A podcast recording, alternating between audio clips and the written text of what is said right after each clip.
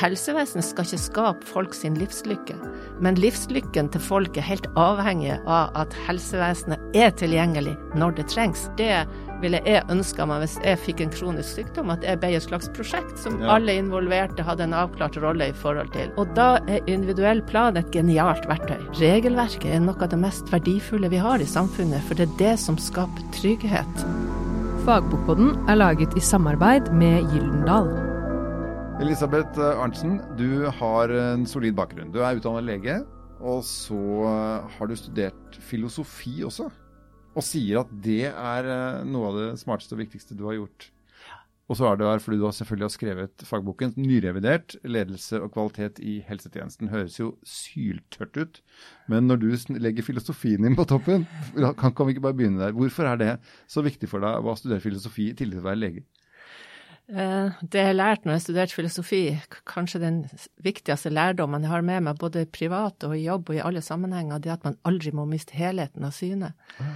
Ja, hva er det som er viktig her? Hva, hva, er, det, hva er det det handler om? Hva Hvorfor, er, hvorfor har vi helsevesen? ja, hvorfor har vi helsevesen? Hva er, det, hva er det slags oppgave et helsevesen har i samfunnet? Og, og eh, jeg ser jo det som et samfunnsoppdrag, det å jobbe i helsevesenet. For at eh, vi har et velferdssamfunn som, eh, eh, som gjør at eh, alle skal få eh, like gode, trygge og likeverdige helsetjenester uansett eh, hvor man bor i landet eller hva, hva slags bakgrunn man har. Så, så er det, skal det være tilgjengelig for hele befolkningen. Og det er jo en, eh, en, en slags en sånn solidarisk modell som gjør at vi, vi alle sammen eh, står likt, eh, og, og vi har en velferd som, eh, som ikke da gjør at vi får for stor variasjon på tilbudet. Og det eh, tenker jeg at det må vi aldri miste av syne. At vi har, som helsearbeidere så har vi et samfunnsoppdrag. Og det å ta vare på, på den gylne muligheten vi har til å så ta vare på hverandre i et, i et samfunn som er så godt som det vi har i Norge. Vi er heldige. Det er på en måte eh, omsorgens forlengede, profesjonelle og systematiske armer vi snakker om her. Ja, det er det. Ja. Men da ligger det jo eh, en ganske heftig fundament av regelverk. Altså, for det, det er jo fort gjort, i hvert fall tenker jeg, da, at det er fort gjort å tenke at å nei, det, åh, nå kommer disse folka med reglene sine ikke sant, og rutinene sine, og sukk og stønn, vi er mennesker og alt det der. Hva tenker du da, når du ser dette fundamentet av regler som alt faktisk eh, Ja. bygge på Ja. på slutten av dagen? Ja, når jeg studerte medisin, eller i det hele tatt på, i skolen, når at vi hadde om regelverk, så var det sånn åh, så kjedelig. Mm. Men jeg har forstått etter hvert, når jeg har leita etter min rolle, min oppgave eh, som helsepersonell, så har jeg skjønt at, eh, at eh, regelverket er noe av det mest verdifulle vi har i samfunnet, for det er det som skaper trygghet. Eh, og, eh, og som jeg sa i starten, så er det det som gjør at, at vi skal føle oss trygge på at når det er min tur, når jeg blir syk, så har vi et, et system i, i bakhånd. Så jeg har interessert meg mer og mer for, for regelverket. Og jeg har også vært i arbeid i Statens helsetilsyn nettopp for å forstå hvorfor han Lars Hansen hele tida har sagt at jo, eh, lovverk og regelverk skal være det som sikrer at de som trenger eh, støtte for å få eh, muligheten til å få sine rettigheter, eh, eller det man andre klarer å rope seg til, på en Mm, måte, ja, det, det skal trygges gjennom regelverket. Og så har jeg også oppdaga det når jeg har lest lover og forskrifter og stortingsmeldinger og alt, at egentlig er det fryktelig godt skrevet. Det er veldig gode utredninger på forhånd før man får en lov, og loven eh, er ofte veldig, veldig trygg og god. Det er jo fort gjort å glemme at Norge faktisk er et av verdens best fungerende demokratier. Akkurat. Eh, og så kan man jo diskutere hvorfor man har demokrati også, for å løfte blikket der, men det er jo for å få det så godt som mulig i fellesskap, det òg. Ja. så det er, det er kanskje mye av det samme som ligger i det. Boken din er revidert nå. Eh, ledelse og kvalitet i helsetjenesten. Eh, når man reviderer en bok, når en fagbokforfatter som deg da, tenker at nå må jeg revidere Ja. boka, hva er det du gjør det på bakgrunn av? Ja, det er jo nettopp det at eh, samfunnet står jo ikke stille. Mm. Sånn at eh, nå har det skjedd veldig mye på mange fronter. Det er kommet mange nye regelverk. Vi har fått ei annen regjering enn vi hadde når jeg skrev forrige boka. Har skrevet nasjonale helse- og sykehusplaner, mange stortingsmeldinger. Eh, man vil eh, være på høyde med utviklingen. Og, eh, og det som er fint da, det er jo det at eh, eh, det blir for mye for det enkelte helsepersonell og leder å sette seg inn i alt. Eh, så boka jeg har skrevet, det er tenkt som en hjelp til å eh, få oversikt, og kanskje se på hvilken måte dette regelverket kan hjelpe oss i den praktiske hverdagen. Og da må boka være på høyde med utviklingen. Ja, altså det er kanskje det, greit for noen å få en revidert utgave, for den forrige boka kan de på en måte? Ja, men, men så er den avleggs, da. Ja. For at nå er det en eh, ledende forskrift, f.eks. For eh, forskriften om internkontroll i helsetjenesten, den, den var jo en, en forskrift som, eh, som viser vei, for, for, det er ikke heller sånn at man kan organisere seg som, som man vil. Mm. Lovverket sier noe om hvordan du skal lede og styre Eh, helsetjenesten, helse- og omsorgstjenesten, både i sykehus og kommune. Og, eh, og den forskriften som viser vei for det, den er, kom ny i 2017. Mm -hmm. Og jeg kan jo ikke ha ei bok i det Nei. åpne markedet i lang tid uten at jeg har liksom vist at den, den, boka ivaretar også det som er viktig at ledere ivaretar når de skal tilrettelegge så de ansatte får gjort jobben sin. Mm. Og da er jo lovverket, regelverket, det er, kan du si, minstekravet til, til kvalitet. Sånn at alle skal egentlig mm. ha det fundamentet. Mm. Og det fundamentet er, er det det jeg prøver å vise, både på system og struktur, men også enkeltregelverk. F.eks. har jeg lagt inn på nytt eh, det personvern- og informasjonssikkerhetsregelverket som er kommet. Det er litt forvirrende for folk, for vi har en norm på området, og vi har lover på området. Folkens, det kalles for GDPR. Ja, ja. sånne ting. Ja. Sånn at alt dette her er, er, er, vanskelig for folk å få med seg, både hva som er nytt og alt sånt. Mm. Sånn, sånn, at Derfor så har jeg revidert boka, for at folk skal kunne få hjelp. Ha boka liggende mm. Eh, når de er i jobben, for å kunne slå opp og se ja, hva var det nå som sto der. Eller, eh, eller, under utdanningen, at man får en basis av kompetanse eh, i utdanningen. Både i grunnutdanningen og alt. Jeg mm. syns at eh, hvis jeg tenker på meg sjøl, det forholdet jeg hadde til regelverket når jeg begynte i arbeidslivet, det var jo sånn der eh, æsj, ikke sant. Men, men, jeg ser jo den enorme verdien det er at vi forstår virkelig at, eh, at myndighetene de har nesten på en måte risikovurdert utviklingen. Altså mm. hva i utviklingen er det vi skal ta inn i våre helsetjenester? Hva, eh, hva er det som er viktig at vi, eh, at vi får med oss, og så legger de det enten i nasjonale faglige retningslinjer som alle skal følge, eller i lovverket som alle skal følge.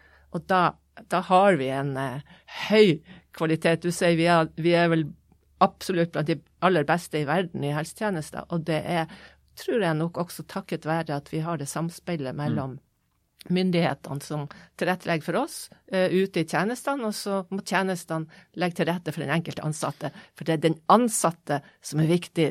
Det er den ansattes daglige aktivitet som er hele saken. Men når du ganger opp den ansatte ja. og setter den i det store bildet, du får hele greia.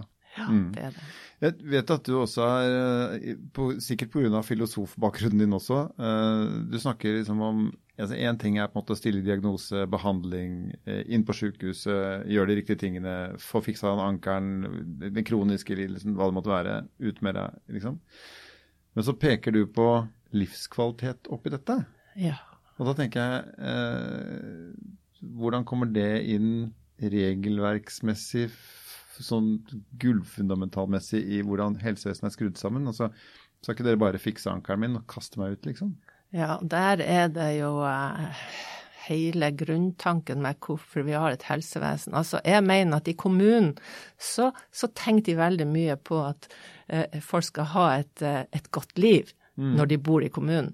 Og, og, så har man da fastlegen som, som, tar akutte ting og kjapt kan behandle. Den kan behandle, og så, også forholder en seg til de kronisk syke. Og så har vi hjemmesykepleie og alle de andre funksjoner i kommunen som skal hjelpe en, en person å leve et godt liv, selv om den har en sykdom den må leve med over lang tid. Mm. Og så er det sykehuset da som, som utreder, som du sier, og behandler, og ut med det igjen. Jeg tror at vi blander kortene for mye her sånn.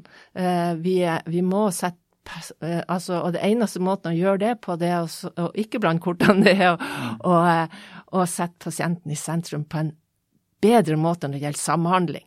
For at eh, vi kan godt tenke og tro at ja, vi sluttbehandles på sykehus, men vi gjør nesten aldri det. Nei. Du er inne et kort øyeblikk, og så skal du tilbake og fortsette å få hjelp for dine ting. Og du skal ha et godt liv, så godt liv som mulig. Mm. Og hva slags virkemidler har vi?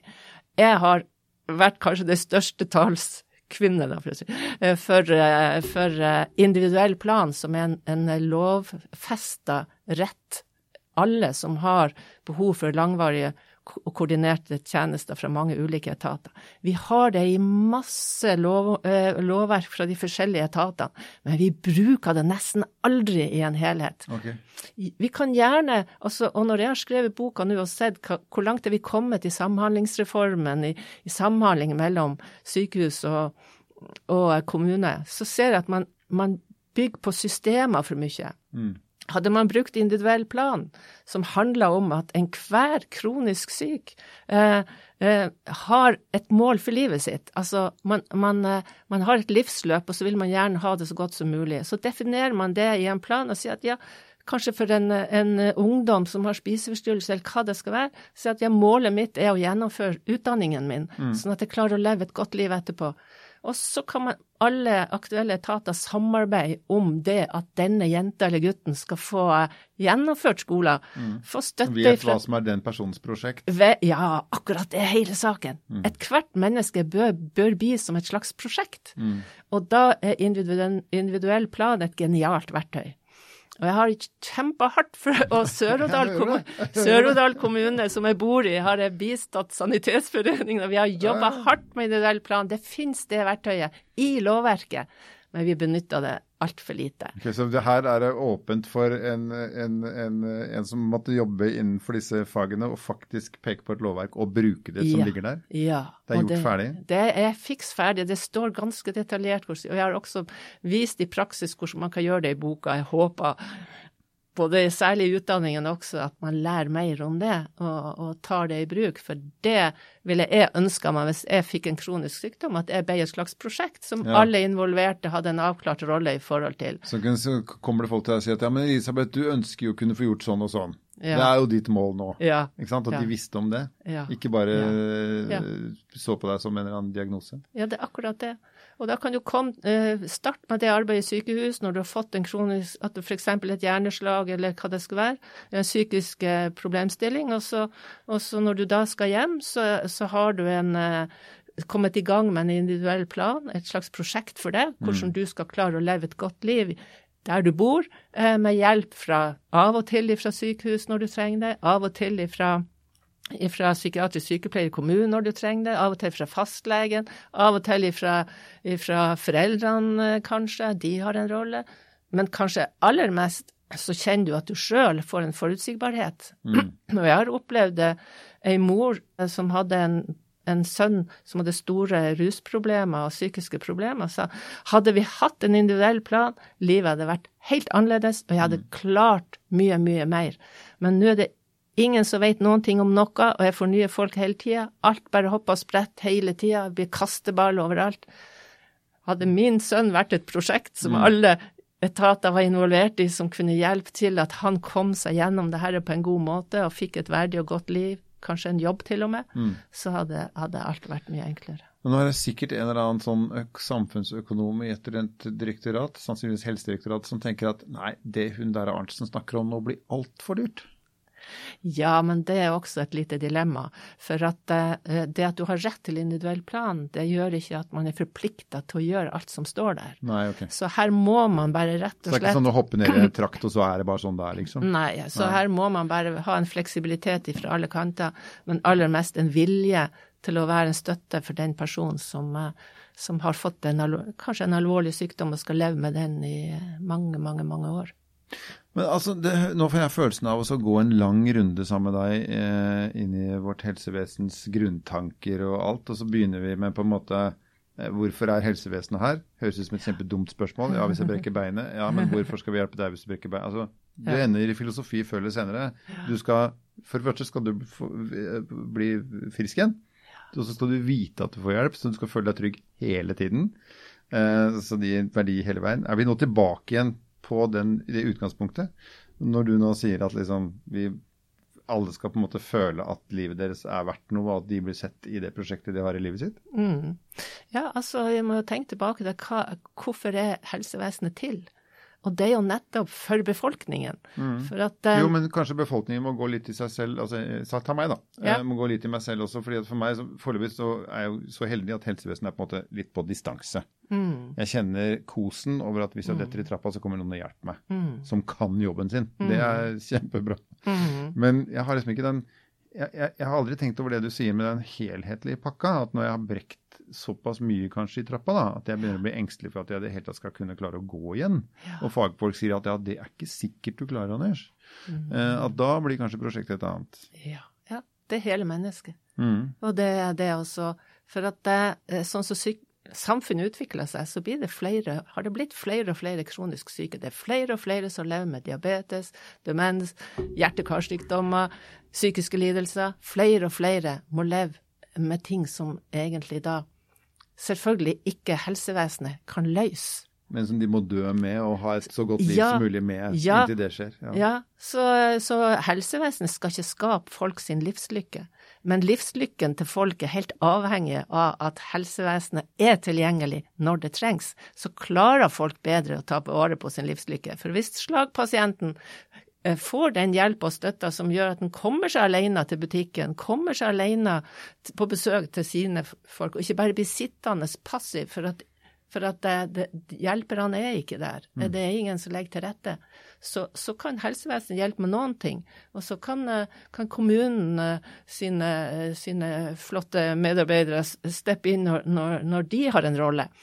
Og der kommer hele siste poenget mitt, tror jeg. Eh, Det er det at det det aller viktigste i alle sammenhenger der folk eh, eh, skal gjøre en jobb, og særlig i helsevesenet, det er å avklare roller og oppgaver. For det første så må man vite hvilken oppgave har min avdeling, f.eks. Og, og hvem er det som har de ulike oppgavene. Og, eh, og hvordan skal vi løse de. Sånn at avklarte roller og oppgaver er det aller viktigste for å unngå trøbbel og, og for å klare å lykkes. Og han Nils Arne Eggen han har jo sagt det så er fint. ja. ja, akkurat denne setninga. Det er at motivasjon får du gjennom å lykkes med jobben. Sånn at hvis man skal lykkes, og det er nesten den største gleden man kan ha, man er jo utdannet innenfor et fagfelt, og lykkes med sitt, på sitt fagområde, i hvert fall for meg er det en stor lykke når jeg gjør det. Eh, og, jeg, og, jeg, tror det å gå hjem fra jobben og kjenne at yes, i dag har det skapt merverdi fordi jeg er til for pasientene, så, så må man ha en definert oppgave. Eh, og man må gjøre den oppgaven ut ifra der lista skal ligge. Og lista legges i det norske lovverket det norske velferdssamfunnet. Lista for kvalitet ligger i eh, det norske, regel, norske regelverket. Og så klarer man seg ikke uten ansatte i hele helsetjenesten, i kommunen og sykehus, som er glad i mennesker. Det er det aller viktigste. At man liksom kjenner at uh, man klarer å få relasjon med folk, for man virkelig bryr seg om dem. Og at, uh, at det gir en, en gjenklang. Har man avklarte roller og oppgaver, og har man en god relasjon, så skapes tillit. Uh, og, og man kan få også en mulighet som, som ansatt kanskje til å så, eh, få ansvar for, for større eh, prosjekter. Og kanskje enkeltmenneskene sine livsprosjekt, hvis de blir prosjekt. Det må jo være veldig interessant. Lege, filosof og seksbarnsmor eh, Elisabeth Arntzen, tusen takk for at du kom. Sjøl takk. Du hørte Fagbokpodden, som er laget i samarbeid med Gyldendal.